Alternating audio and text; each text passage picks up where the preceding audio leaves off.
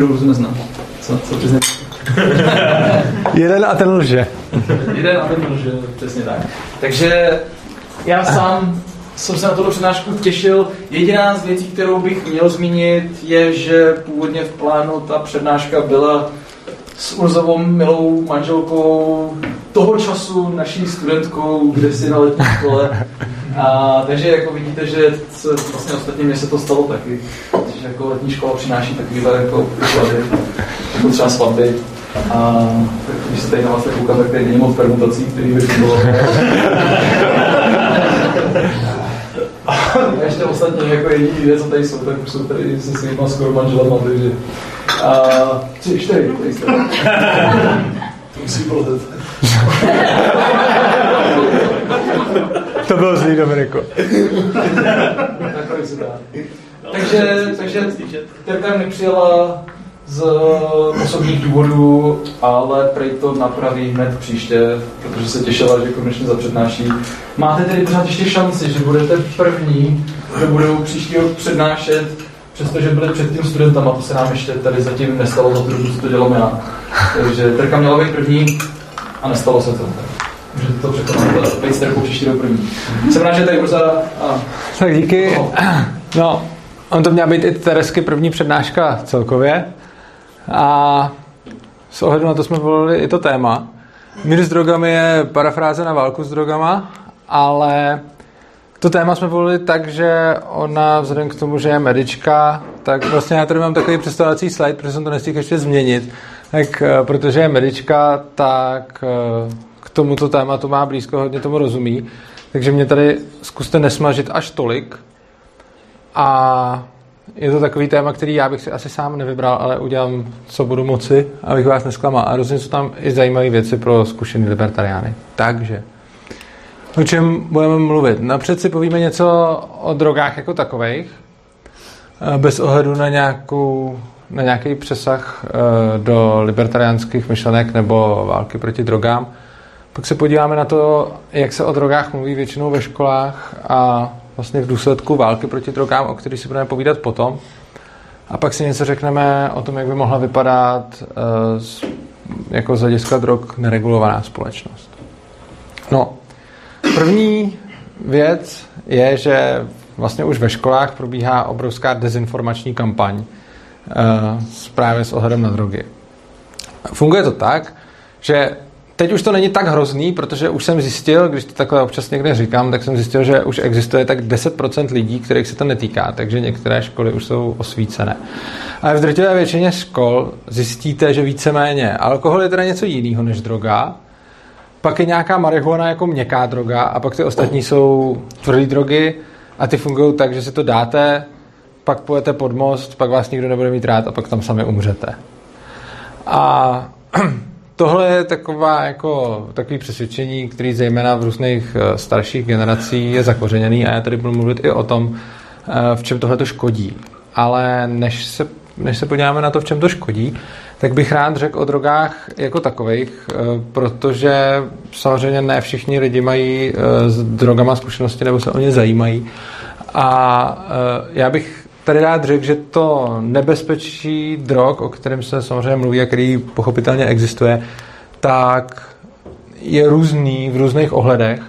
A není to tak, že drogy mají tu jednu nebezpečnou věc, že jsou vlastně jakoby všechny stejný a jedno, kterou berete, protože oni samozřejmě dělají něco výrazně jiného, o tom budeme tady taky mluvit, že prostě různé drogy mají různé účinky, jako velmi různé účinky, ale krom toho mají i velmi různá rizika. Například, a dá se to hodnotit z celé spousty jako úhlu pohledu. Třeba když se podíváme, jak rychle se na droze tvoří závislost, tak eh, na heroinu si vytvoříte závislost celkem okamžitě, ale na extázi to zdaleka tak snadný není třeba. Uh, další věc je, když už se stanete závislým, jak silně jste závislí a jaký jsou problémy s tou závislostí. Ku příkladu alkohol je jeden jako v tomhle směru z největších uh, zabijáků, že se od něj odvyká prostě víceméně nejhůř. A proti tomu třeba a, víceméně alkoholik, když si chce odvyknout, tak to téměř nikdy nezvládne sám a musí se jít léčit a stejně i potom, když si dá znova paňáka, tak do toho často znova spadne. Zatímco třeba u té marihuany je to zase úplně jiný. Tam kolikrát ty lidi přestanou hulit úplně sami a rozhodně k tomu ani většinou nepotřebují pomoc a když si potom dají někdy za pár let špeka, tak do toho pravděpodobně znova nespadnou, když samozřejmě jako můžou. Jo. Uh, další věc je, strašně se drogy liší v tom, jak nás poškozují, takže třeba když si jako nějaký barbituráty jsou strašně nebezpečný, že vám víceméně zničí tělo a oproti tomu jsem dal jako druhý protipříklad třeba LSD, eh, který, kterým se ani nepředávkujete. Jakože ať si vezmete jakkoliv silnou dávku, tak vám to sice asi udělá zajímavý psychický zážitky, někdy až takový, který byste nechtěli, ale nezabije vás to. Mimochodem zjistilo se to strašně zajímavým způsobem. Vědci zkoumali, kde bude ta smrtelná dávka LSD a nemohli ji furt najít. A potom se stalo, eh, že v rámci nějakých mafiánů, který ty drogy produkovali, došlo k omylu. A došlo k omylu, že si někdo bral, myslel si, že to není LSD, bylo to LSD a vzal si dávku asi tak desetitisícinásobnou. Seklo to s ním, den ležel, pak se zvednul a fungoval dál. Takže zatím se zjistilo, že ani desetitisícinásobná dávka nepředávkuje, takže nevíme.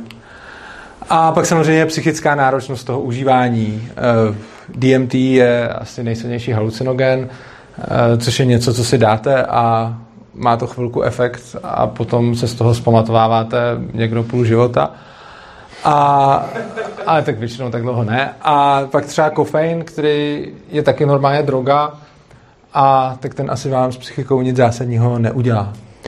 Uh, já bych rád ukázal nějakou, uh, tím, že jsem začal, že jsou ty drogy vlastně různý, bych rád uh, ukázal nějaký um, jejich zařazení, o který se různí lidi pokoušeli.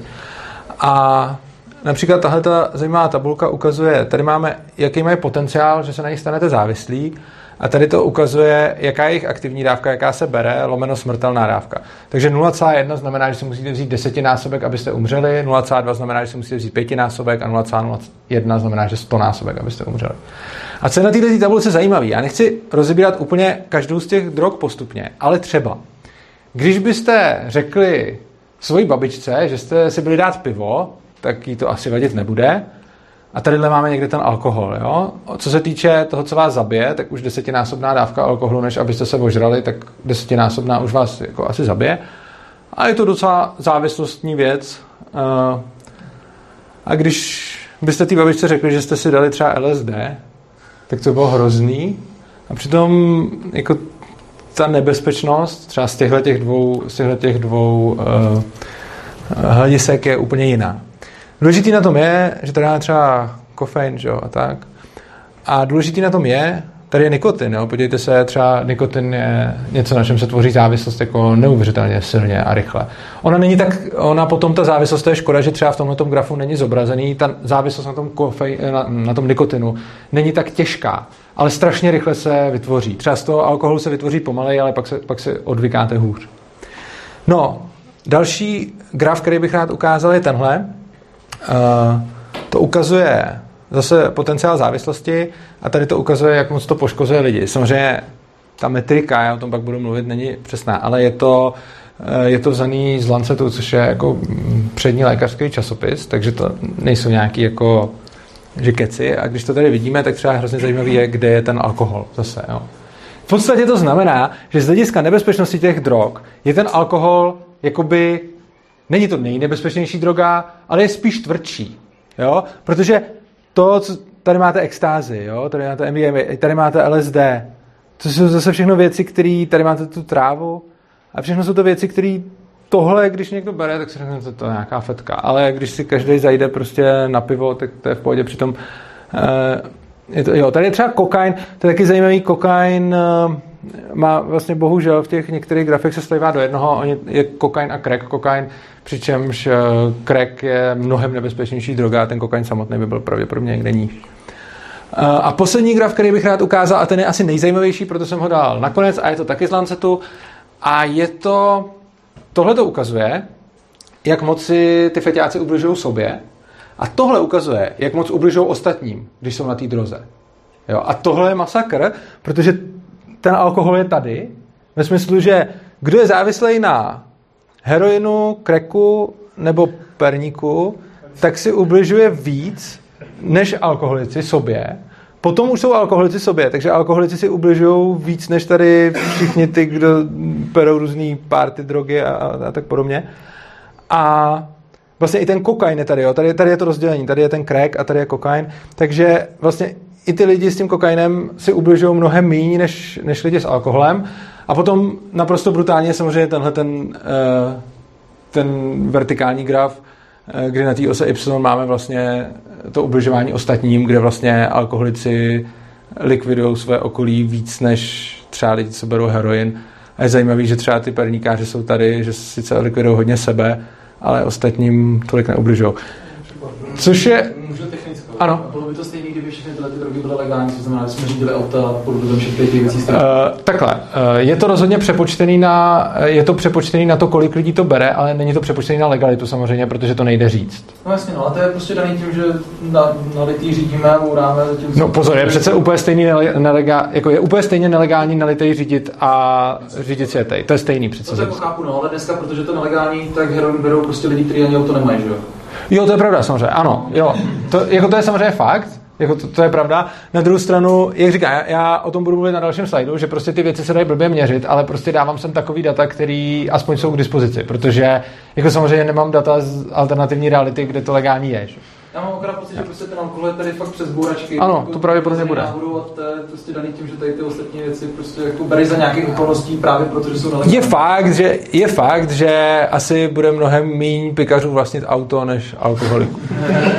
Ale, tak, takže jo, samozřejmě, je to dobrá připomínka, k čemu se dostávám teď na tom dalším slajdu. Uh, měření škodlivosti drog, byť to vyjde prostě v nějakém jako odborném časáku, což jsem se snažil jsem dodat dra, jako grafy jako z asi nejlepších zdrojů, který jsou, tak to není exaktní věda a ta škodlivost má strašně moc parametrů a je to individuální. Čili prostě i když jste viděli tam, ty, tam to hodnocení, jo, tam na tom grafu je vlastně, jsou tam jednotky 1, 2, 3, to neznamená nic, jako, jo. ale je to, že prostě nějaký lidi sestaví nějaký kritéria, kterým na tu nebezpečnost přijdou rozumný a podle toho z toho pak sestaví ty grafy, které samozřejmě mají jako, které nejsou úplně jako geniálně vypovídající, ale to, co se snažím říct je, že pod dojmem takového většinového názoru na drogy, kdyby ty grafy jste nechali nakreslit právě té vaší babičce, anebo nejenom babičce, tak nakreslí alkohol někam, jako že to je taková pohodička pak tráva, to je takový to horší a pak ty všechny ostatní jsou někde jako ty úplně nejhorší, což neodpovídá realitě, to byla jako poenta. A jo, teď se podíváme na to, jakým způsobem ty drogy lze klasifikovat, uh, že prostě jsou fakt různý. Konkrétně máme sedativa, ty vás vlastně uklidní, uvolní a kolikrát eh, vás baví bolesti, ať psychický nebo fyzický, a lidi to berou často jako únik před realitou třeba. A tady máme ten alkohol, heroin, morfin, barbituráty nebo i tu marihuanu. Ta marihuana pak bude, to uvidíte, patřit i do více, eh, do více kategorií. Potom další kategorii máme vlastně právě opak, to jsou stimulanty a to zase berou lidi, když se potřebují nějak naspídovat. Eh, je tam riziko, že je to často jenom pocitový speed, že oni si myslí, že jsou strašně jako výkonní a všechno, a kolikrát tak moc nejsou. Ale někdy, někdy i skutečně jsou. Ale taková zajímavá věc, vždycky u těch drog platí, že když by to někdo chtěl brát na to, aby byl výkonnější v práci, tak on by třeba i mohl. Protože třeba některé profese vykonávané na kokainu a pervitinu budou určitě dělat ty lidi líp. Problém je v tom, že oni sice budou strašně dlouho nespat a všechno, ale potom se musí vyspat mnohem díl, takže ten čas ve výsledku jako ztrácej. Takže nakonec se to bere spíš jako nějaký party drogy. Cože? No. no, tak to asi nemůže. A, a, no, ale je třeba jedna, je třeba jedna profese, kde, eh, kde berou pervitin a dává to tam smysl. A to jsou lidi, kteří uh, jsou na... Ne, to jsou, tam možná taky, ale tohle je jiná profese. To jsou lidi, kteří jezdí na uh, velkých tankerech a ten člověk musí stát na tom tankeru v té zimě a musí tam stát 8 hodin a koukat, jestli před ním není ledovec nebo něco. A potom zbytek neprospí, že? A na to je to v podstatě ideální droga, uh, protože jim to koukání nepřijde tak hrozný, není jim taková zima a potom přesně mají ten čas na to, aby to vyspali. Takže tam to berou docela, jako samozřejmě to ilegální, ale, ale dělají to.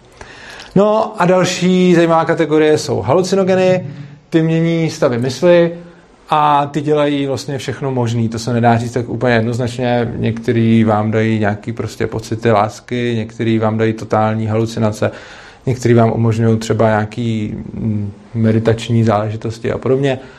Čtvrtou skupinu, kterou jsem tady neuvedl, to je vlastně opak těch halucinogenů, to jsou eh, antipsychotika a ty ani za první nevím úplně určitě, jestli jsou nelegální, ale nikdo je pravděpodobně nebere jen tak, protože s nimi není žádná sranda, protože oni dělají opak než, těch, než ty halucinogeny, takže to dáte člověku, který je buď vyklepaný, nebo zažil nějaký šok, nebo něco takového a vlastně ten halucinogen by mohl akorát prohloubil a ten opak toho je to antipsychotikum, třeba neurol a podobně. Znám vlastně lidi, kteří berou neuroly, když mají mluvit před lidma a jsou vyklepaný, tak si dají ten neurol, který jim v celkově uklidní, uklidní emoce. Jo, což je zase další užití drog, který je vlastně eh, klasifikovaný jako zneužití, ale je hrozně zajímavý, že když někdo řekne jsem rozčilený, jdu si dát paňáka, tak to všichni chápou, a když někdo řekne, bojím se teď mluvit před lidma, klepu se, jdu si dát neuro, tak si řeknu, oh, jsi nějaký feťák. Jo. A, a, že to je, to je prostě taková ta, taková ta společenská věc, že tím jakoby neříkám, že brát drogy jako super, zejména ne bez rozmyslu, ale říkám, že vlastně drogy jsou svým způsobem biohacking, když se nepoužívají debilně a můžou vám prostě pomáhat v určitých situacích. No a bohužel ty informace, které o nich máme, takovýhle zdaleka nejsou a kdo o tom třeba slyšel ve škole a pak se s drogama nikde nesetkal a nějak ho nezajímali, tak třeba se mi kolikrát stává, že když tohle to říkám lidem, tak jsou z toho překvapený. A protože ty školy, prostě, jak jsem říkal na začátku, všechny ty drogy vylíčí jako ten heroin, že prostě si to dáte a pak někde umřete ve škarpě. A jako je fakt, že ten heroin to třeba může udělat, jo? to si, dát, to si můžete dát jednou a, a, a jste závislí, nebo párkrát. Ale výsledkem toho, že se tak prezentuje, má být teda extrémní strach z drog, Jenže uh, to sice taky je, ale problém je, že to potom strašně snadno ulítne do opačného extrému. Jo? Že prostě tomu dítěti v té škole řeknou, dáte si tu drogu a potom to jde s váma z kopce. Což je fajn v tu chvíli možná, ale to dítě vidí, uh, jak ty jeho o dva roky starší spolužáci každý den hulí před tou školou a pořád čeká, že skončí v té škarpě a oni tam pořád ještě nejsou a furt tam vidí hulit a furt se nic neděje, no tak si toho špekará pak s nima a pak zjistí, že to vlastně není tak hrozný. Což je potom ale hrozný, protože on si řekne, no jo, a takovýchhle lidí, když se si na tom mluví, je jako hodně, že si potom řekli v určitou chvíli, no jo, tak oni mi teda o těch drogách kecali a jdou zkoušet všechno. Aniž si o tom čtou a zjišťují a různě to mixují, což si potom myslím, že ve výsledku ta dezinformační kampaň, to strašení, nadělá víc škody než užitku, zejména když žijeme ve společnosti, kde se drogy dají schánět a sežne se je každý děcko, když chce. Uh, řešením teda je podle mě pravdivě informovat a v těch školách by se nemělo učit podle mě proti drogám, ale měla by být prostě normálně, když už to chce ta škola rozebírat jako nauka o drogách. Prostě co která droga udělá, jaký má nevýhody a že až se budete sjet a vezmete si M na party, tak musíte u toho hodně pít, jako, jo, když to přeženu. Ale uh, myslím si, že je to téma jako každý jiný a když to jde u všeho jiného, tak si myslím, že by to mohlo jít i u těch drog. Samozřejmě je spousta nebezpečných věcí na světě. A proč se tohle děje? No tím důvodem je, je to důsledek války proti drogám, o který bych tady chtěl mluvit. A je válka proti drogám, co to reálně znamená? To znamená, že stát prostě určil, jaký drogy smíme vpravovat do našich těl. Tím vlastně říká, že naše těla nevlastníme my, ale že minimálně z části vlastní ten stát, protože kdybychom my byli vlastníci těl, tak si můžeme brát, co chceme. A samozřejmě tím omezuje dobrovolnou směnu a svobodu. Ale co hůř, ono to navíc ještě jako reálně ničí lidem životy, protože kdo se těm zákonům nepodvolí, tak je k tomu nucený násilím. A i tahle ta aktivita vlastně represivních strožek má strašně negativní, má strašně negativní následky. Uh, ta válka proti drogám je prezentovaná samozřejmě úplně jinak. Tohle to jsem tak jako schrnul, co to je, co se děje, což samozřejmě vám takhle ten politik neřekne, co to dělá, protože ten politik vám řekne něco takového že tím chrání společnost, že tím musí chránit naše děti, aby se neufetovali, že prostě musíme ty feťáky dostat z ulic, což stejně se nikdy nestane. A víceméně všechno, s čím se pracuje, jsou nějaké emoce a nemá to moc reálný základ, tahle ta debata. Už proto, že kdyby měla, tak by byla během jednoho týdne hotová. Jo, prostě já hned za chvilku ukážu, co, co totiž ta válka proti drogám přináší a to by, tam bych mohl úplně skončit tu přednášku, protože každý, kdo je ochoten vypnout se z toho emocionálního módu a fakt přijmout fakta, jak jsou, tak ultimátní slide je tenhle. To ukazuje, kolik peněz se v Americe věnuje na válku proti drogám od roku 1970 až do roku 2010. A tohle ukazuje, kolik je tam feťáků. Jo. A ono už vlastně není o čem. Jo, prostě máme tady, jako je úplně jedno, jestli se bude říkat, musíme vyhnat ty dílery od těch škol. A tohle to všechno jsou emocionální argumenty. Ale pokud... Ano? Um, že konc vůbec neříkám nic ve smyslu, jestli ty výdaje na tu válku proti drogám nějak fungují nebo ne, mm-hmm. ale z ekonomického a statického hlediska z třetího grafu nemůžeš vyhodit vůbec nic, protože nevíš, jak by se ten počet těch feťáků vyvíjel, kdyby nebyly ty náklady. Uh, samozřejmě se to, samozřejmě se to uh, ano, je tady, jako to je dobrá připomínka, je tady ještě jedna možnost, že tohle by tady začalo růst a jenom zrovna náhodou to zůstává furt na stejných číslech. Jako, ano, přiznávám, je to možný, ale je to strašně nepravděpodobný. Jakože ten, to, tohle vysvětlení je extrémně nepravděpodobný, zejména proto, že když se podíváme ještě víc do minulosti, s kterým nemáme tak hezký data, tak to vypadá, že tam jakoby furt eh, bylo těch 1 až 2% závislých. Plus ještě jedna věc proti tomu, 1 eh, až 2% feťáků, který na tom dojíždějí, je celkem světový číslo. Neříkám, že úplně všude, ale ve skoro každé společnosti ne, ne úplně ve všech, ale ve většině společností je problematických feťáků, kteří s tím mají problém, musí to léčit a, a tak, je 1 až 2 Z čehož bych tak typnul, že existují 1 až 2% lidí, kteří mají sklony se prostě ničit, mají sklony k závislostem, mají sklony být feťáci. A když jim zakážeme heroin a piko, tak jdou čichat ředidlo. A když ne, tak si jdou dát to piko. Ale v zásadě 1 až 2% společnosti nebo těch, co? Ne, 1 až 2% celé společnosti, ale uh, nepočítají se do toho všichni závisí na droze, protože tam by museli být kuřáci, kterých je daleko víc, ale počítají se do toho lidi, který uh, kterým to způsobilo problém, který musí řešit prostě. Čili buď se do toho počítají lidi, kteří sami došli k tomu, prostě teď to musím řešit, protože jinak problém, nebo lidi, kteří uh, páchají v souvislosti s tím kriminalitou a tak. Čili tohle to je... Tam třeba antidepresiva, protože jako v Americe na nich závislá jako uh, 20% jako lidí. Jo, ale já tohle právě Tady je sice napsáno, a ono u toho grafu to taky bylo napsáno, tam je addiction rate, ale jak říkám, on to není skutečný addiction rate, protože Tohle to jsou data z nějakých eh, nemocnic, tuším, a, nebo z těch center pro, pro to odvykání. A není to addiction rate na všech drogách, protože kdyby tam byli kuřáci, tak je rázem addiction rate prostě no, ještě úplně daleko nad tím grafem, kam až sahá. Jo. Takže není to závislost na všech drogách. Určitě na antidepresivách, na kofeinu budou závislí lidi.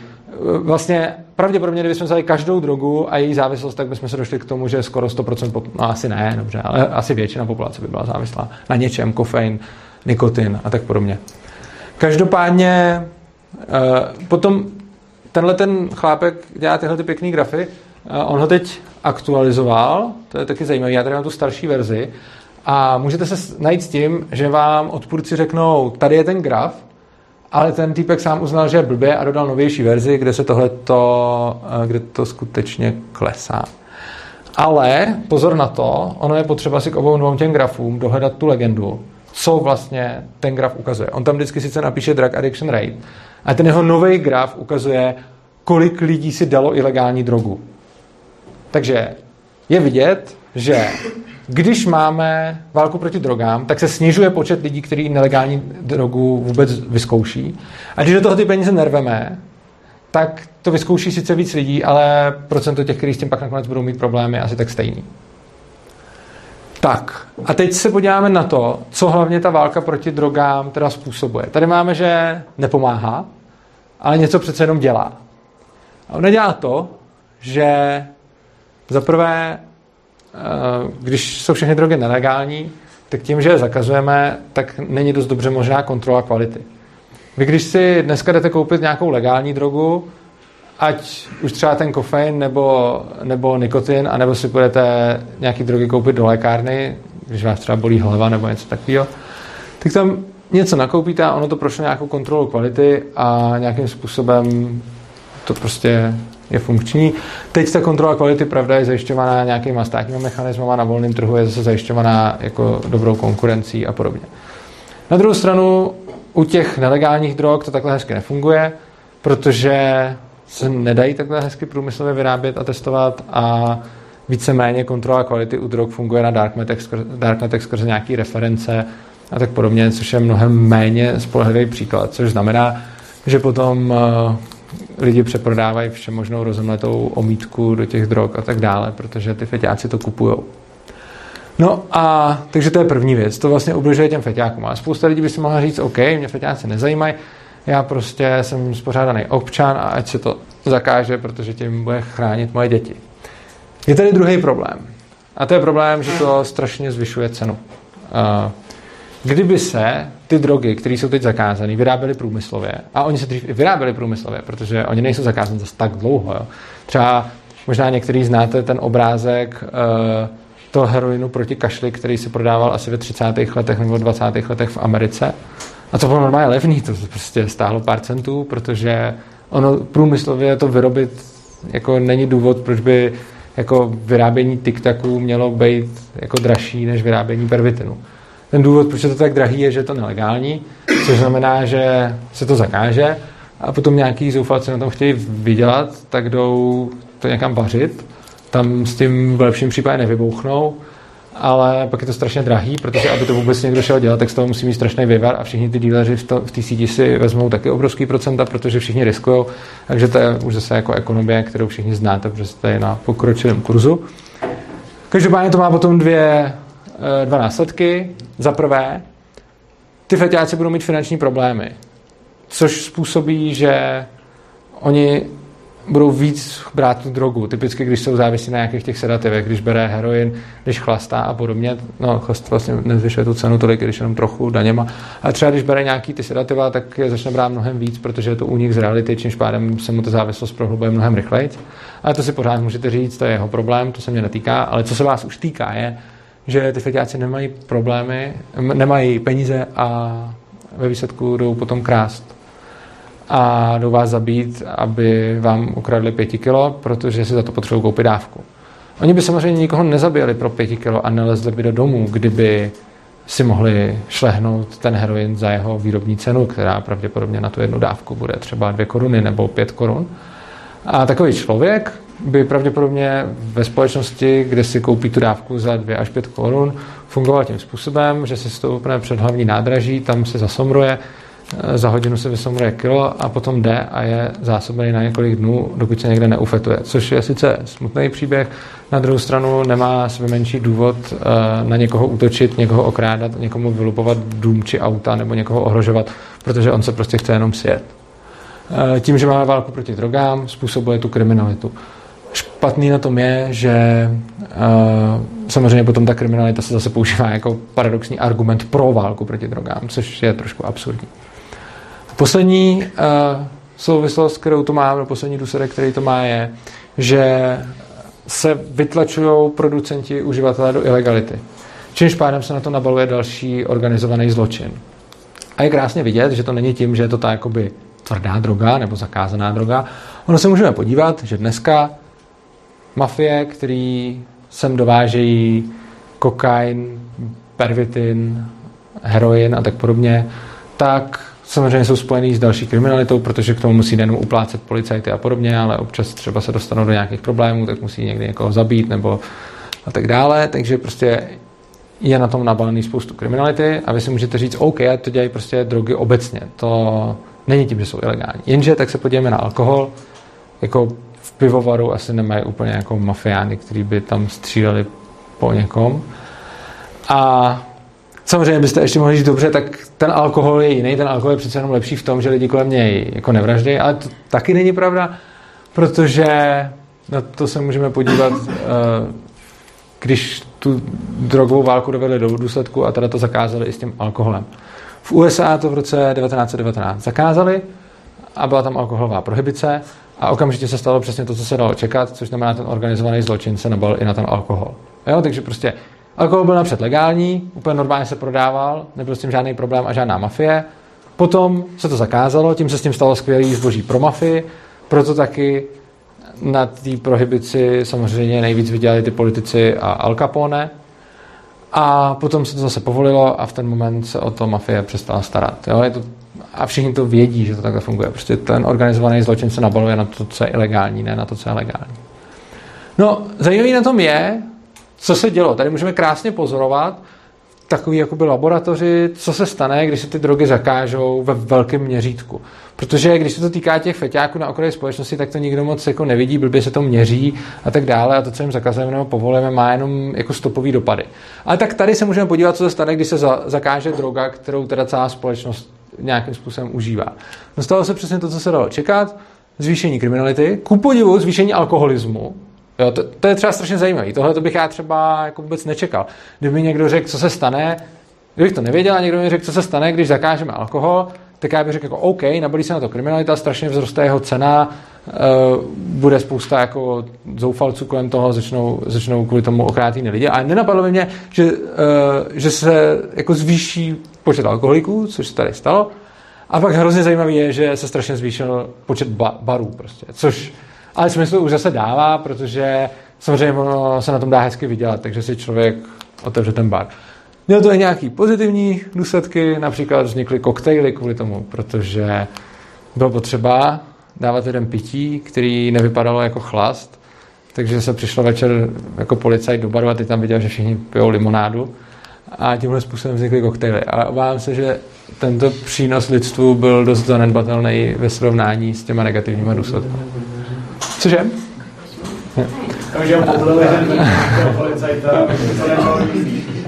Takže bych to možná mohl uzavřít tím, že na té alkoholové prohibici prostě vidíme, že to nefunguje. Jo, to, ano. Když se zvýšil ten počet barů, mm-hmm. co byly ty bary jako do velikosti, jo, proti, když je legální, že to prostě jak velký, a když je ilegální, tak to bude dělat spíš menší. Asi jo. Asi se, asi počet barů a zmenšili se, je to možné, já o tomhle data bohužel nemám. Jako, tam jenom jediný, co jsem k tomu našel, bylo, že se, že se ten jejich počet vzrost na trojnásobek, ale dává docela asi smysl, že když chci dělat... Když udělat převrácenou logiku naopak, ten bar je ilegální, bude na kraji prostě města, takže to bude to obrovský skot. Těžko říct, no. Těžko říct. Ale to... velikosti nemusí říct nic, jako. Co, je to dotaz nebo ne? Jo, no je to spíš technická, jakoby mm-hmm. kauzalita versus korelace, prostě ty tady, nebo vy tady říkáte, že um, se zvýšil alkoholismus.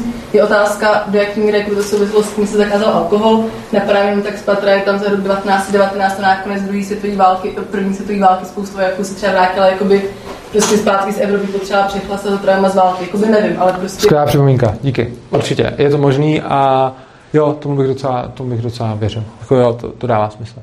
Protože mě tam úplně nedává smysl, že by se zvyšoval alkoholismus. Je, jakože, jenom jsem to říkal jako fakt, ale já jsem to ani nepo, neprezentoval jako kauzalitu, jenom jsem říkal, že nevím jako proč, že tomu sám nerozumím. Ale tohle vysvětlení mi přijde lepší jako od pohledu, takže díky.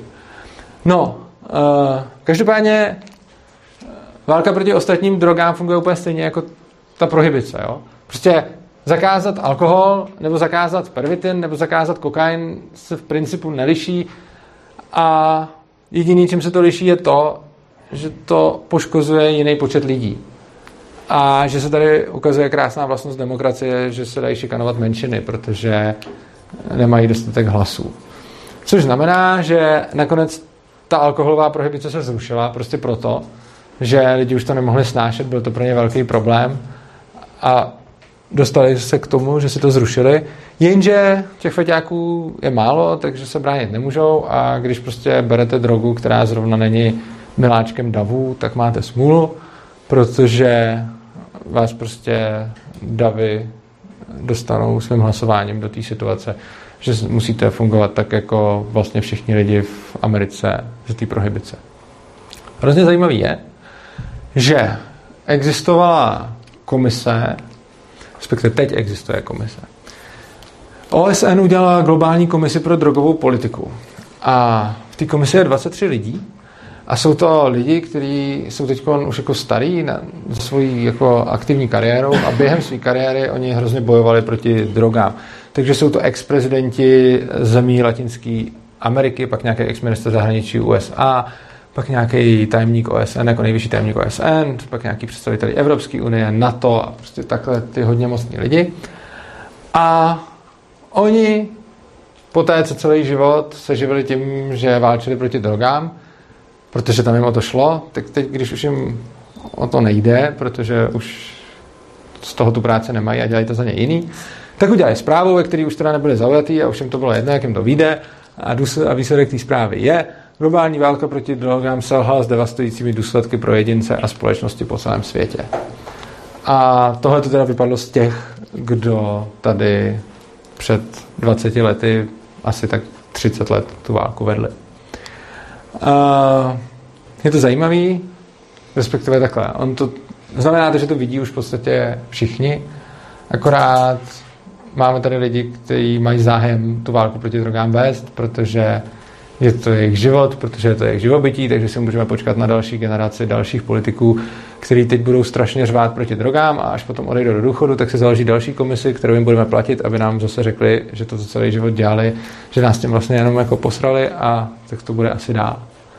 No, uh, tohle to, co jsem tady říkal doteď, asi jako libertariáni většinou tušíte. A teď řeknu něco asi méně známého, a to je, jak ta válka proti drogám začala. Hodně lidí si myslí, že válka proti drogám začala, je to vlastně dobrý úmysl, někdo si řekl, drogy jsou hrozné a měli bychom je zakázat a že to teda bylo jako pro dobro lidí. Ale ono to tak úplně nebylo. Všichni známe tu nejmasivnější vlnu, kterou začal Nixon v roce 71. To, zrušil zlatý standard a krom toho začal jako strašně moc bojovat proti drogám. Ale ty úplné začátky jsou datované až do 19. století, což je strašně zajímavý, že to málo kdo zná. A je to proto, že na počátku stál otevřeně nacionalismus a rasismus. Byla Amerika, tam měla své vlastence a pak měla své přistěhovalce. Oni se jim tam stěhovali uh, Číňani a Aziati, kteří měli opium, pak se jim tam stěhovali nějaký Mexičani a Afroameričani, kteří zase měli kokain a Američani měli tam alkohol to, proč se vůbec začali zakazovat nějaký drogy, proč to vůbec někoho napadlo, byl ten, že se můžete ještě doteď podívat na projevy těch politiků tehdy, protože dneska tohleto se musí schovávat za něco. Tehdy to ještě mohli otevřeně říkat a mohli být otevřeně rasistický a otevřeně Uh, to je taky to, že když máte svobodu slova, tak můžete jako každému ukázat, jaký jste debil, zatímco dneska už se to schovává za něco jiného. Takže oni úplně otevřeně říkali, a můžete to vidět prostě v jejich projevech, že jako nějaká špína z Ázie a z Mexika sem přináší nějaký hrozný drogy. A nevím, já jsem četl jeden, který říkal, no, ale to ještě není tak hrozný, že si zalezou do svých opiových doupat a tam prostě se neřestně sjedou. Co je nejhorší? Já jsem šel tuhle okolo a ven vycházel bílej američan. To je úplně nejhorší, protože tohle to musíme zastavit a na základě takovýhle retoriky začala válka proti drogám. Oni tehdy lidi celkem chápali, že ten chlast, i to opium a i ten kokain jsou prostě drogy, že to není, že jako dneska vidíme ten chlast jako v pohodě a ty druhé dvě jsou jako hrozný. Oni to prostě viděli jako tři víceméně rovnocené drogy, akorát, že dvě z nich brali ty lidi, kteří tam nechtěli, tak jim je zakázali. A hrozně zajímavý je taky, jakým způsobem se zakazoval kanabis a konopí se totiž stalo to, že přišla nějaká průmyslová technologie, díky který se dalo z konopí hrozně rychle a levně vybírat, vyrábět papír a látky. Jo, že dřív to nešlo a vyrábělo se to ze dřeva. A potom přišla technologie, která to dokázala udělat z konopí líp. No a ono se tak skokově stalo a teď tam byly ty lobbysti, kteří měli ty lesy že jo, a potřebovali prodat to dřevo. Jenže jim tam najednou začala skákat konkurence a oni si protlačili uh, oni si protlačili ten zákaz. Samozřejmě o tomhle na rozdíl od toho předtím ty politici takhle nemluvili, jako oni neřekli, platí mě tenhle a chci to zakázat, protože, uh, protože jsem placený. Nicméně to dost korelovalo, že v té době, kdy se tohle stalo, tak byly ty aktivity těch lobbystů a potom se to zakázalo. Každopádně takhle to bylo v Americe. A Amerika potom válku proti drogám šířila do celého světu, do celého světa. A počátkem 20. století to dělali jednotlivě, potom skrze společenství národů a pak nakonec největší masakr přišel v roce 61, kdy OSN přijala umluvu o narkotikách, kde zakázala 116 různých drog. Já si myslím, že od té doby se ten seznam ještě rozšířil. Každopádně vlastně OSN tlačí všechny svoje členské země k tomu, aby zakazovaly drogy, takže i kdyby se nějaká ta země rozhodla, že chce jako dekriminalizovat, tak může do nějaký míry, ale ne úplně, protože pořád musí uh, respektovat tohle. Takže to máme, jak to začalo. A teď co s tím? No řešením podle mého názoru je úplná dekriminalizace všech drog. Což znamená úplně stejně, jako tady máme alkohol, tak úplně stejně by se fungovalo se všema ostatníma drogama. Lidi by tak nějak pochopili, co ty drogy dělají. Samozřejmě někteří by na to dojeli, úplně stejně jako dojíždějí na ten alkohol. Ale lidi by tak nějak tušili, o co se jedná. Cena těch drog by byla nízká a když už by se někdo dostal do stavu, že se potřebuje ufetovat, tak by to aspoň jako alkoholici dělal nějak civilizovaně bez toho, aby musel uh, útočit na nás ostatní a okrádat nás. Ty důvody k tomu jsou dva. Ten hlavní je, že podle mě není morální násilím omezovat něčí sebevlastnictví. Prostě je to přesvědčení, že já vlastním svoje tělo a že my všichni jsme vlastníky svých těl a jenom my bychom tedy měli rozhodovat o tom, jaký látky do těch těl vpravujeme. To je ten morální aspekt. A pak tam máme ještě praktický aspekt, který říká, že ty zákazy prostě nefungují. To jsme viděli na tom grafu. Ono je to jedno. Jakože, když to začnete zakazovat, tak tím sice jako komplikujete život lidem, rozbíjíte tím životy, způsobujete tím spoustu utrpení, ale nezničíte tím ty drogy, protože tahle ta válka reálně nejde vyhrát. A uh, tady bych se ještě dostal k tomu, to souvisí s tím, proč to taky nezakazovat, proč vůbec nedává smysl nějaký ten zákaz. Protože lidi berou drogy z různých důvodů, Prostě některé drogy lze brát jako prostředky nějakého sebezna, sebepoznání, například nějaký, jako, nebo prožívání emocí, to jsou většinou ty halucinogeny. Někdo potřebuje uniknout od života, od bolesti, někdo prostě pak spoustu nemocných lidí berou drogy, jo, jakože třeba morfium, to je něco jako heroin, je to strašně podobná látka a dává se to normálně lidem, kteří trpí. Bohužel uh, i v České republice jsou případy, kdy musí příbuzný svým umírajícím starým uh, prarodičům schánět na dark marketu morfium. Z toho důvodu, že když sice prarodič umírá v nemocnici, tak mu to tam všechno dají, ale když prarodič umírá doma, tak uh, to ne vždycky jde, protože existují tady nějaký mobilní hospici, který mají ale pokrytí asi tak Praha, Brno. A když vám prarodič bude umírat někde na dědině, tak máte možnost ho buď do nemocnice, kde mu stejně už nemůžou pomoct a když chcete, aby byl ve svém domácím prostředí, tak vám doktor řekne, sorry, přes víkend tam prostě nezajedu. A tak prostě jdete na ten dark market a koupíte to morfium za velký prachy, abyste mohli pomoct. Jo. Čili i tohle to je důsledek uh, války proti drogám.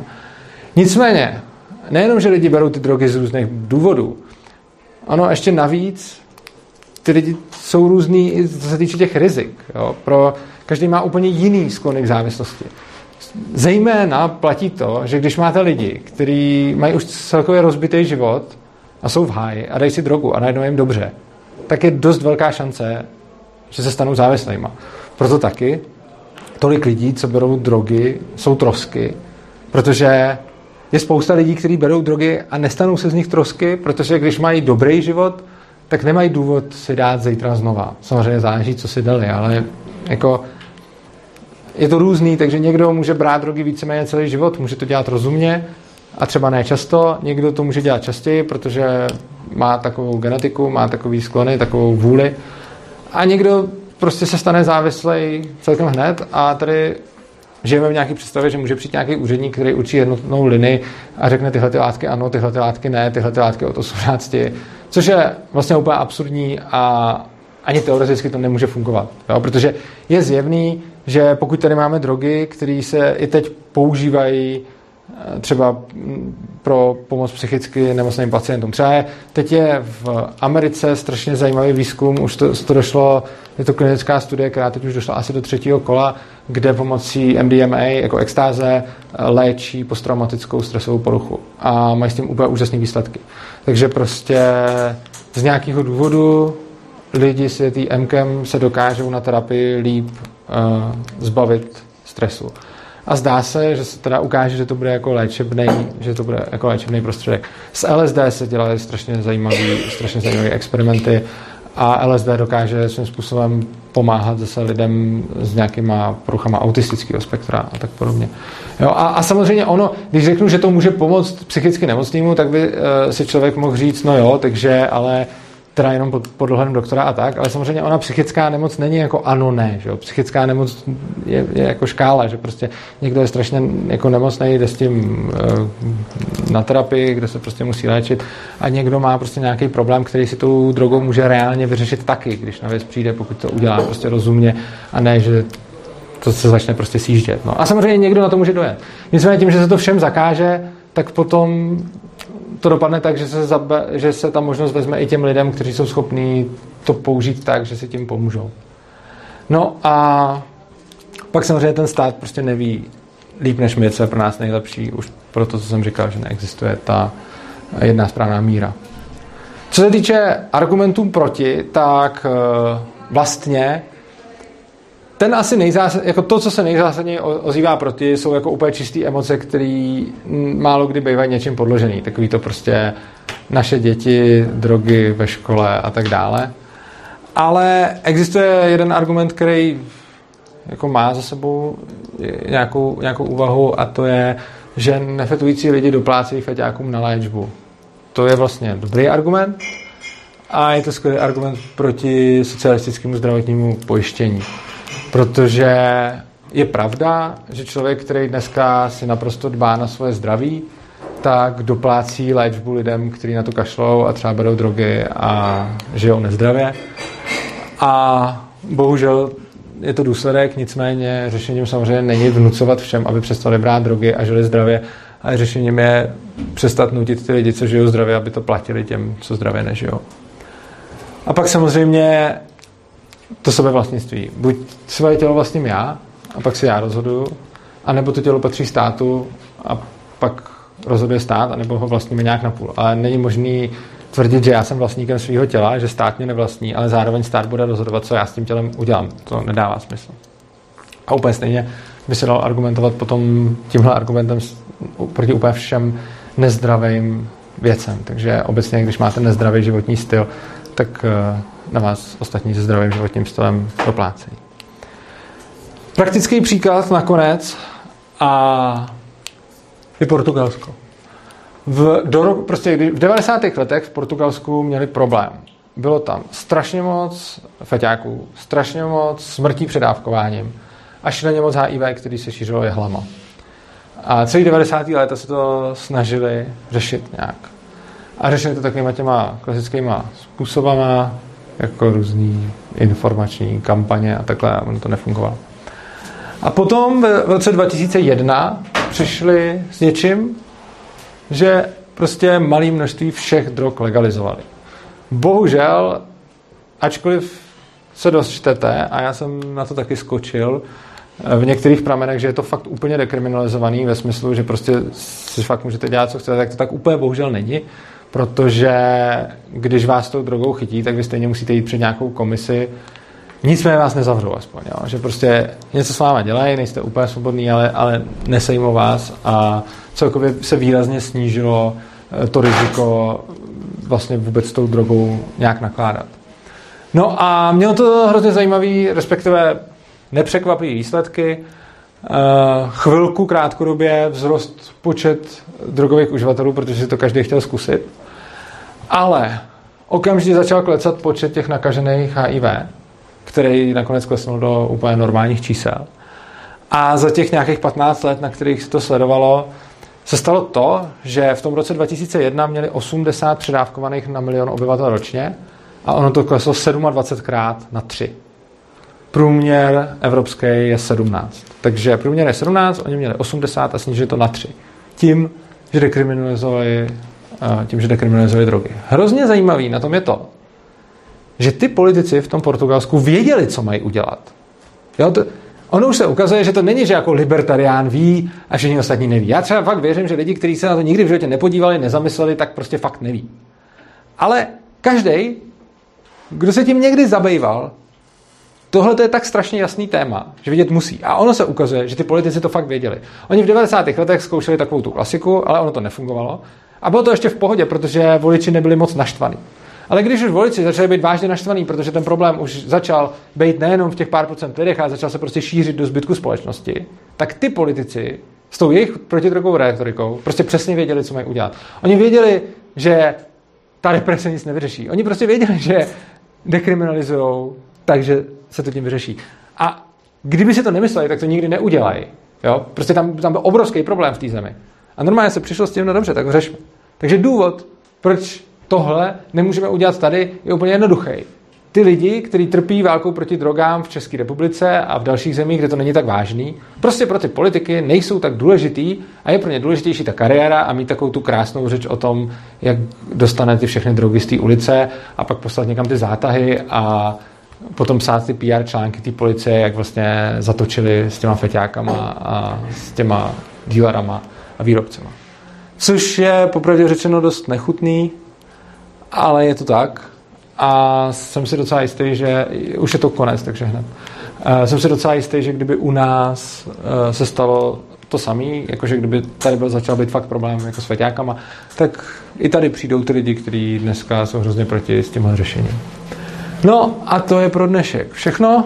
Já bych tady jenom skončil, co jsme říkali, napřed jsme se tady bavili o drogách. Myslím si, že to hlavní z toho je, že si myslím, že ve školách by se mělo učit o drogách, nikoli proti drogám. Uh, pak jsme tady mluvili o válce proti drogám, která jednak nefunguje a jednak je strašně zlá. A můj názor, nechme lidem svobodu, ať si užívají cokoliv chtějí a potom za to nesou následky. Takže já vám děkuji za pozornost a vezmeme asi tady ten dotaz rovnou. Děkuji.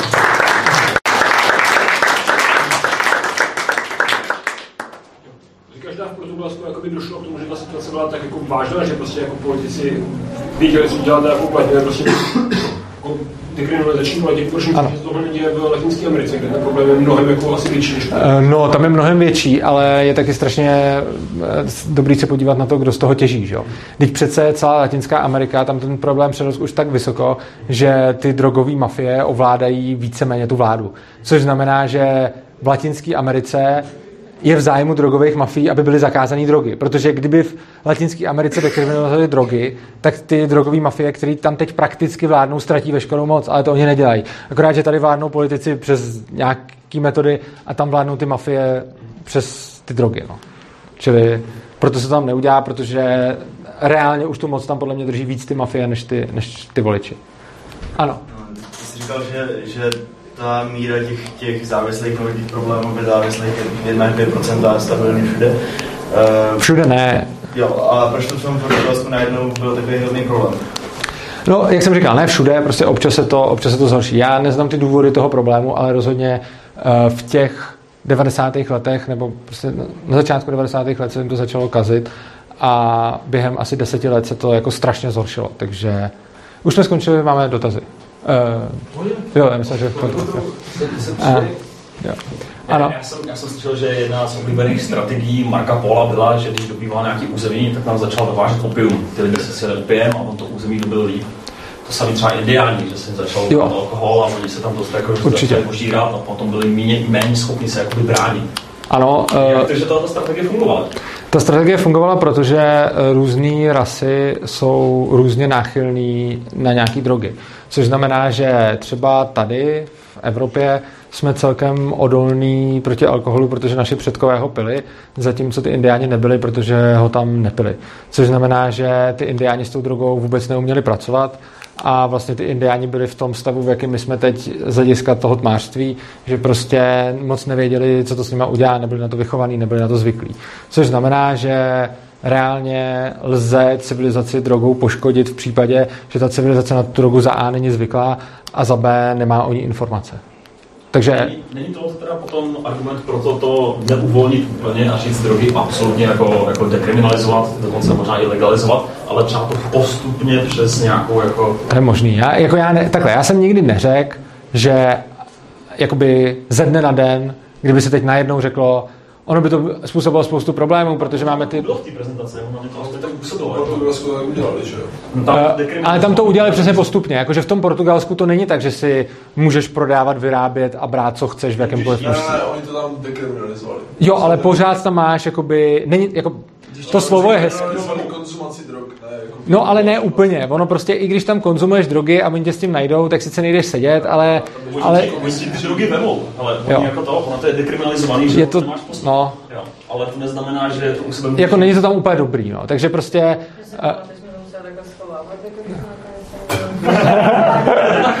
OK, dobrá šrovinka, díky, kdo to řekl? Když jsem byla někdo před barem nebo tak, jak to nebylo, tak jako úplně... No když říkám, jakože prostě není to úplně přesně, jo. OK, tak, eh, tak tady vidíme, že i v Portugalsku se musí schvávat drogy. Uh, Ne, mě ještě, Jo, pardon, omlouvám se. Ta, ta destabilizace té Ano. společnosti, jestli to není jako, jako reálný argument, proč ty drogy uh, regulovat. No, je to možná uh, argument, proč je postupně možná, já nevím. Já, jako, já, to, o čem mluvím, je ten cílový stav. Ne, nejsem si úplně jistý, jak se k němu dostat a co by se stalo, kdyby se teď všechno úplně, jakože kdyby se všechno úplně povolilo, tak by hlavně podle mě nastal nějaký mezinárodní problém. Čili my, kdyby jsme tady řekli, všechny drogy se tady smí všechno, tak se stane to, že se sem okamžitě nahrnou mafie z těch všech okolních států a možná to způsobí jako něco negativního, což znamená, že já sám nevím, jaký je ten správný postup. Jenom mluvím o tom cílovém stavu. A nevím, jestli je lepší k němu dojít skokem nebo postupně, to jako těžko říct, ale rozhodně jakoby neříkám, že jediná možnost je to udělat skokem. Je možný, že udělat to postupně by přineslo méně nevýhod, ale rozhodně z hlediska té civilizace je nejlepší, když je zvyklá na všechny drogy a má o nich informace, aby se jim nemohlo stát, že tam přijde někdo s drogou, kterou nezná, to je zavalí a poškodí. Jasně, proč zakázat ten heroin v? Cože? Proč zakázat heroin v té Americe? Ono to lidi asi byli zvyklí, dávali si to na rýmu. Uh, no, to nebylo z důvodu, aby pomohli té civilizaci, o tom jsem tady mluvil, že jo? No, a oni to zakázali z důvodu... No to, že to bylo opiát. No jasně, ale... No, protože tam byli Číňani, kteří tam měli opium, že jo? OK, takže to byl politický důvod. To byl politický, ta, tam ten politický důvod byl dokonce oficiálně řečen. Tohle to není jakoby, ten rozdíl oproti dnešku je, že tyhle ty věci se často vyskytují v rámci konspiračních teorií a já můžu jakoby říkat, kdybych to říkal dneska, on řekl, že chce pomoct lidem, ale ve skutečnosti. Tady na tom je hezký to, že tady to není konspirační teorie, protože když se člověk podívá na ty důvody, které oni otevřeně říkali, tak to byly tyhle důvody a nechceme pomoct lidem, ale prostě zasraný Číňani a Mexičani tady prostě fetujou a jsou to špíny, přitáhli nám do země a musíme se jich zbavit. Jo. Takže Takže je to vlastně přežitek teďka ten zakázal, Ano. zakázání drog v aktuálním Rozsahu, nastavení ano. přežitek eh, z rasismu. ano, rozhodně jo. Jo, o, Já mám možná spíš komentář k tomu Super. argumentu o sebe vlastnictví. Mhm. Mm-hmm. Osobně připadá spíš jako falešný argument. To si myslím, že já se nemyslím, že jakoby stát vlastní naše tělo a určuje, co si můžeme rád a co se nemůžeme rád. Taky protože ve finále, když ty drogy chci a chci se sjet, tak prostě mám možnost, jakoby samozřejmě nelegálně, ale mám možnost si drogy sehnat. To znamená, že jakoby já sama mám vůli a mám svobodu si určit, co se svým tělem udělám nebo ne. Stejně tak, jakoby mám možnost, pokud si ty drogy nemůžu dát tady v republice, odejít do nějakého jiného státu, kde si je můžu sehnat. A jakoby naopak já si myslím, že prostě jenom stát nějakým způsobem říká, jaký typ chování není úplně optimální. Stejně tak říká, hele, není úplně optimální někoho zabít, není úplně optimální někoho zmlátit, není úplně optimální někoho okrást. Kdyby říkal... A já teď- jo, pardon, omlouvám se. A jakoby na druhou stranu ten argument se dá vlastně o, o, jakoby obrátit, aby se to tady zmiňoval, a mám pocit, že to trochu jakoby zapletl v tom smyslu, že kdyby stát vlastnil moje tělo, tak jakoby jeho ideálním cílem je, aby já byla zdravá, aby on se mnou měl minimální náklad na moji, na moji léčbu, na jakékoliv prostě problémy spojené se zdravím. Tím pádem, kdyby stát vlastnil moje tělo, tak dělá nelegálně cokoliv, co je pro to tělo škodlivé, od cigaret, kouření přes McDonald's. Ale jako Eh, finále my tady všichni Je očkovaní, to tak strašně my- dlouhý uh, komentář, já bych na něj reagoval, já už začínám zapomínat, já se fakt omlouvám, je to prostě moje chyba, já zapomínám vždycky začátek toho, že teď už je to zase úplně jiný téma, než to bylo na začátku. Můžeme to když tak roz, No, rozpůlit. ten, ten, ten, argument má v podstatě jakoby tři části. Jo, a já bych rád na ně postupně, já- jaká byla ta první část?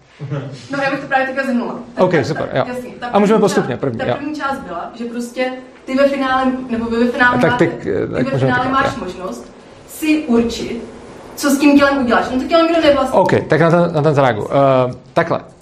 Ty máš propisku a hodinky. Já když tě je vezmu a budu najmoc šikovnej, tak ty máš taky možnost uh, to zjistit, že jsem tě okrát a vzít si je zpátky. To neznamená, že jsem respektoval tvoje vlastnictví těch hodinek a propisky. Úplně stejný případ je u toho státu.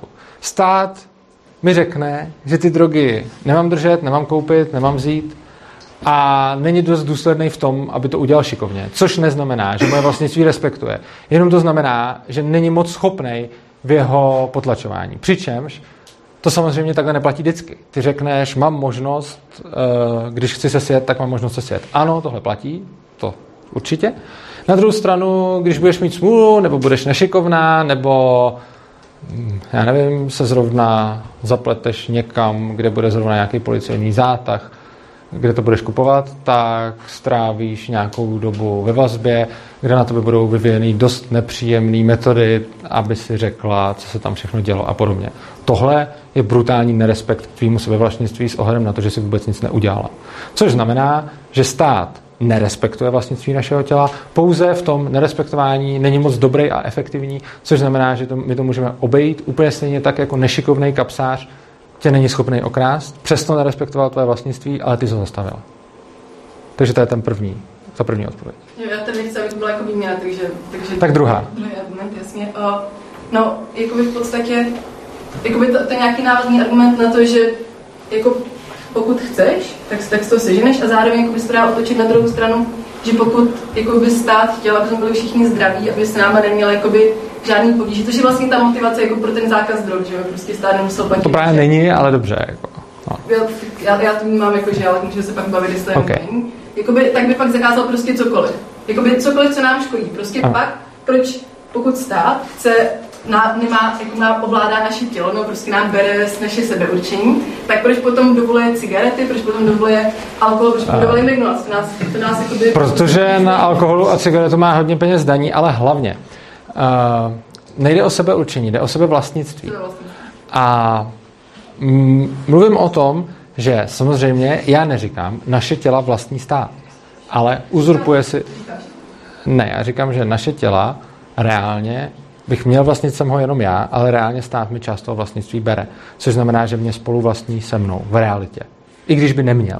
Což znamená, že on mi dává nějaký mantinely a zákazy a důvod, proč on to nedělá s tím mekáčem, s těma cigaretama a s tím alkoholem je, to už jsme si tady ukazovali ohledně té prohibice, že když to zkusili v Americe, tak to mělo devastující následky.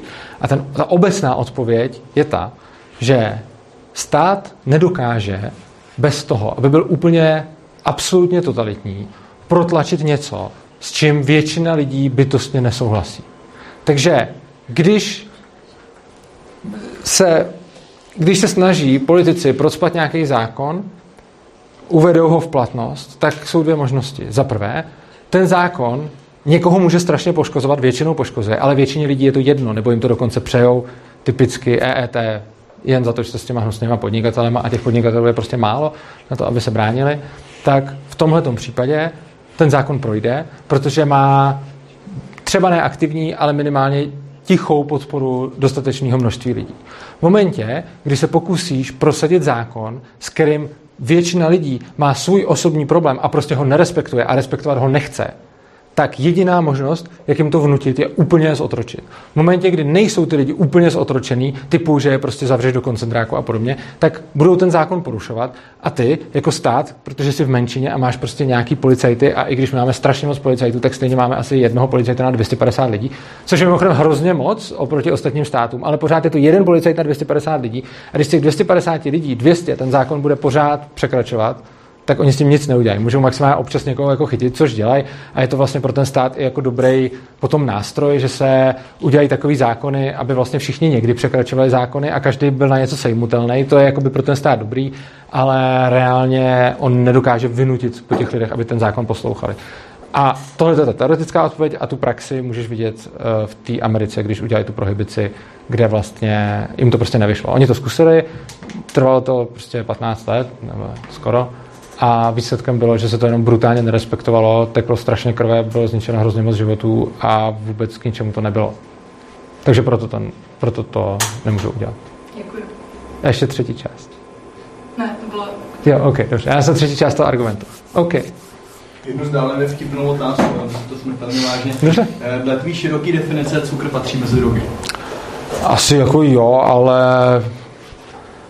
jako já nemám nějakou jako úplně ultra, jako že bych si nějak trval na té definici, ale vlastně jako patří. No. Tam se, tam se asi chystá další nějaká restrikce, se domnívám, nebo minimálně na školách to už vidíme na základkách. Že? Ne, tak jako strašně moc věcí patří mezi drogy, ale tak jako rozhodně, jako rozhodně mezi drogy patří strašně moc věcí, které lidi jako drogy neberou. Prostě většina léků jsou drogy. A lidi tomu, taky zajímavé je, že v angličtině jsou to všechno drugs. Čo? A ono to má smysl, protože on není jakoby důvod, proč by to nebyly drogy, ty léky, které normálně berou jako lidi, protože oni splňují ty vlastnosti. Je to, je to prostě nějaký, jako, je to nějaká látka, kterou se tam do těla, ono to, nějaký biohacking, prostě, který můžu samozřejmě použít dobře, anebo ho můžu použít blbě. A já si troufám tvrdit, že možná, jako, asi ne, možná úplně 100%, ale troufám si tvrdit, že drtivou většinu drog lze použít dobře a samozřejmě úplně všechny lze použít blbě. Děkuji. OK. K tej dezinformačnej kampani na tých školách. Mm-hmm. Myslíš si, alebo do akej miery si myslíš, že to je nejako cieľene, umyselne robené tak, že poďme teraz nejak živo o tom informovať, ale do akej miery je to možno nejakou to nevedomosťou tých učiteľov a To je skvělá otázka a já na ní odpovím trošku široce, protože si myslím, že je to hrozně důležité to zmínit, protože ono se to netýká jenom drog. Spousta věcí, které se týkají státu, se ve školách učí různýma způsobama, nejenom drogy. Jsem přesvědčený o tom, že to není konspirační teorie typu, že by ty učitelé šli a dělali něco záměrně špatně. To jsem si, jako možná někdo, ale myslím, jako jsem si skoro jistý, že prostě ty učitelé to fakt učí v dobrý víře a jsem si prakticky jistý tím, že se to netýká jenom drog, ale i všech těch dalších eh, jako státních propagandistických akcí na školách. Úplně stejně jako teď nedávno jsem ještě se Students for Liberty, to je člověk, který tady sedí vedle, jsme psali otevřený dopis české televizi, která zase eh, vysílala pořád o inflaci, kde mystifikovala a o, daních a tak dále. To si myslím, že je úplně stejný. Ty lidi to dělají v dobrý víře, protože oni na to byli naučeni, a tak to předávají dál. Nicméně, i když to dělají v dobrý víře, tak je to trošku řízený. A řízený je to proto, že když se podíváš do Národního vzdělávacího plánu, to existuje. Je dokument, který vydává ministerstvo školství a říká, co mají ty učitelé jako učit napříč všem. Oni předávají takzvané klíčové kompetence a to, to prostě každý učitel i předmětu, který s tím vůbec nesouvisí, jako prostě já jsem třeba učil informatiku, tak jsem se to taky týkalo prostě. A to jsem učil na nějakém soukromém Gimplu stejně, prostě to bylo pro mě jakoby závazný, i když jsem to jako nedělal. Tak člověk musí učit tyhle ty věci, které jsou, které jsou řečeny a je tam prostě přímo napsáno, co má ten učitel dělat.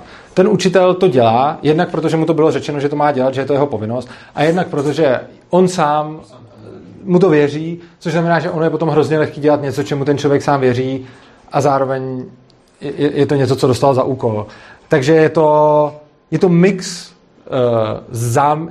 Vlastně ta, ta otázka, pokud se ptáš na to, jestli to bylo záměrně, pak řeknu ano, je to záměr, ale ne zlej záměr. Je to záměr, ale jako dobrý úmysl. Myslím si, že v většině případů.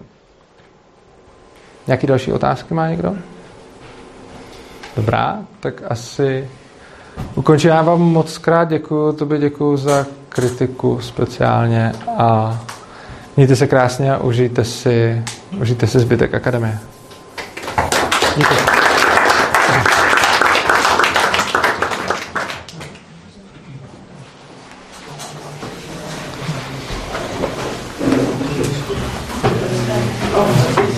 Super. Já mám sešit, jak to znám, tak, tak, tak se těším. No, jasně. Tak to je super. Tak já se těším, že se tě odchytím. A ty nějak jako zásadně nesouhlasíš s celým věznění, nebo máš spíš uh, jakoby konkrétní... Ne, ne, ne, já mám spíš jako konkrétní points,